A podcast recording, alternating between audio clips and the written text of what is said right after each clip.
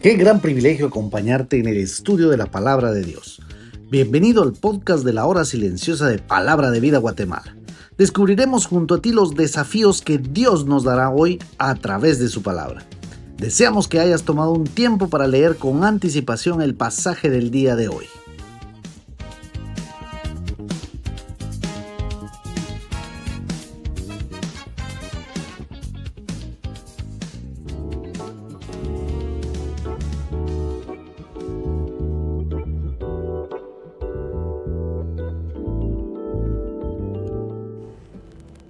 Hola, ¿cómo estás? Yo soy Fernando Figueroa.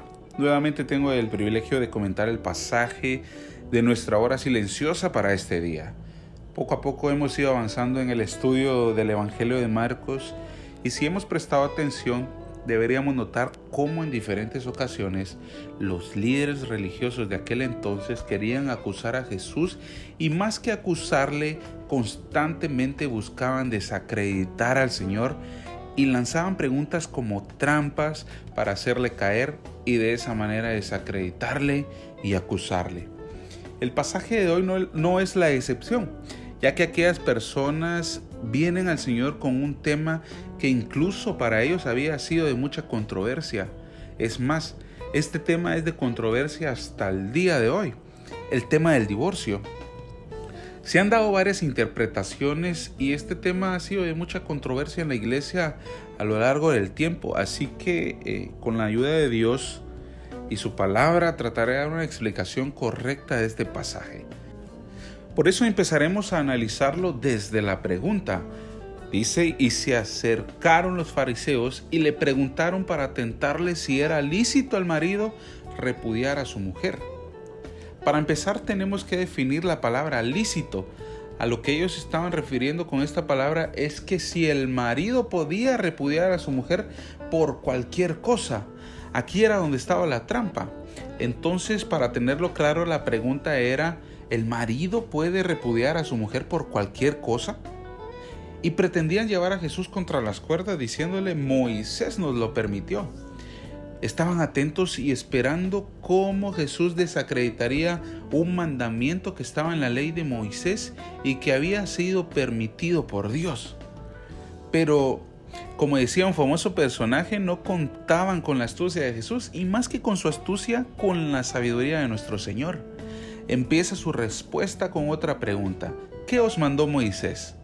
Porque el hecho de que haya sido permitido no lo hacía un mandato, a lo que sigue con su respuesta. Esto fue por la dureza de su corazón. Por eso los lleva al principio, el plan original de Dios, y aborda el tema del divorcio con lo que sería lo contrario, con el matrimonio. Dice el versículo 6, pero al principio de la creación varón y hembra los hizo Dios. Por esto dejará el hombre a su padre y a su madre y se unirá a su mujer y los dos serán una sola carne. Así que no son ya más dos, sino uno. Por tanto, lo que Dios juntó, no lo separe el hombre. Ahora, notemos que este había sido un tema de conflicto desde el principio. No es algo nuevo. El divorcio estaba desde el principio. La maldad del hombre ha estado presente desde el principio de los tiempos. Por eso es necesario que hagamos una diferencia entre lo que es permitido por Dios y lo que es un mandato de Dios. Y esto es lo que tienes que tener claro, que por encima de lo permitido está el mandato.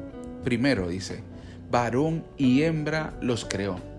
Y esto es muy acorde a lo que estamos viviendo hoy en día, porque el matrimonio solo es permitido entre un hombre y una mujer. Punto. Segundo, por esto dejará el hombre a su padre y a su madre y se unirá a su mujer. El tema era que el hombre podía abandonar a su mujer, pero el mandato del Señor era que el hombre debía abandonar a sus padres para unirse a su mujer. Por eso el matrimonio es algo tan valioso para nuestro Dios y la relación entre esposo y esposa está aún por encima de la relación con nuestros padres. Tercero, ya no son dos, sino uno. Por tanto, lo que Dios juntó no lo separe el hombre. Y esto es muy importante ya que el hombre que repudiaba a su mujer o que pretendía encontrar respaldo en la ley de Moisés para separarse de ella, lo único que evidenciaba es que no supo cuidar de su mujer, porque el cuidado de nuestra esposa debe ser como nos cuidamos a nosotros mismos. Es por ello que somos uno al unirnos en matrimonio. Yo cuido de ella como que se tratara de mí mismo y ella cuida de mí como que se tratara de ella misma.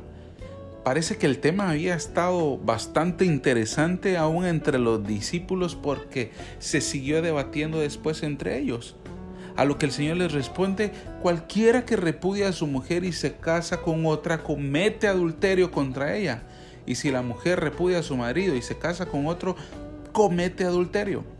Ahora, ¿En qué casos la ley de Moisés permitía la carta de divorcio? Solo y explícitamente en el caso de inmoralidad.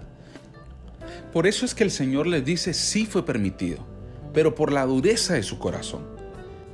Lo que les estaba diciendo con esto era, ustedes no hicieron lo suficiente para guiar a sus mujeres, porque tampoco estaban dispuestos a perdonar entonces prácticamente la carta de repudio era la evidencia de un hombre que no tenía temor del Señor.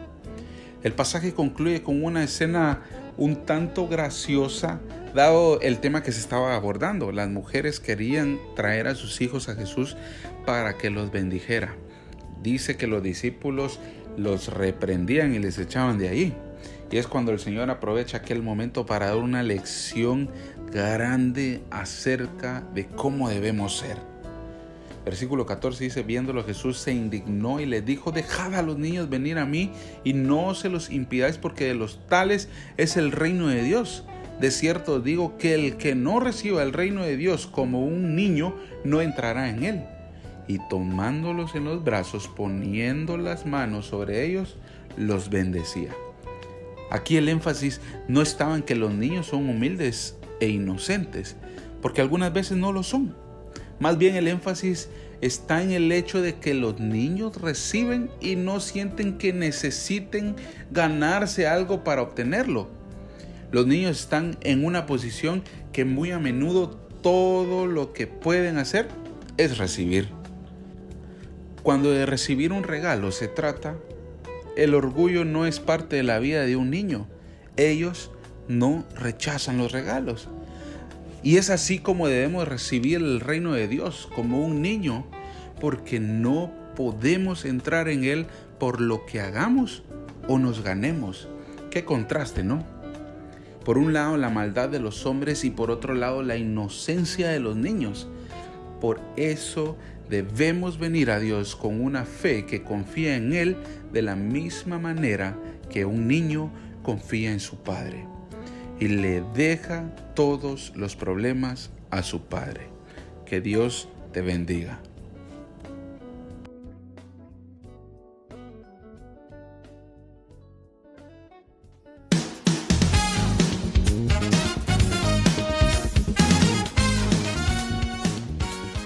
Es emocionante saber los tesoros que Dios tiene en su palabra para nosotros.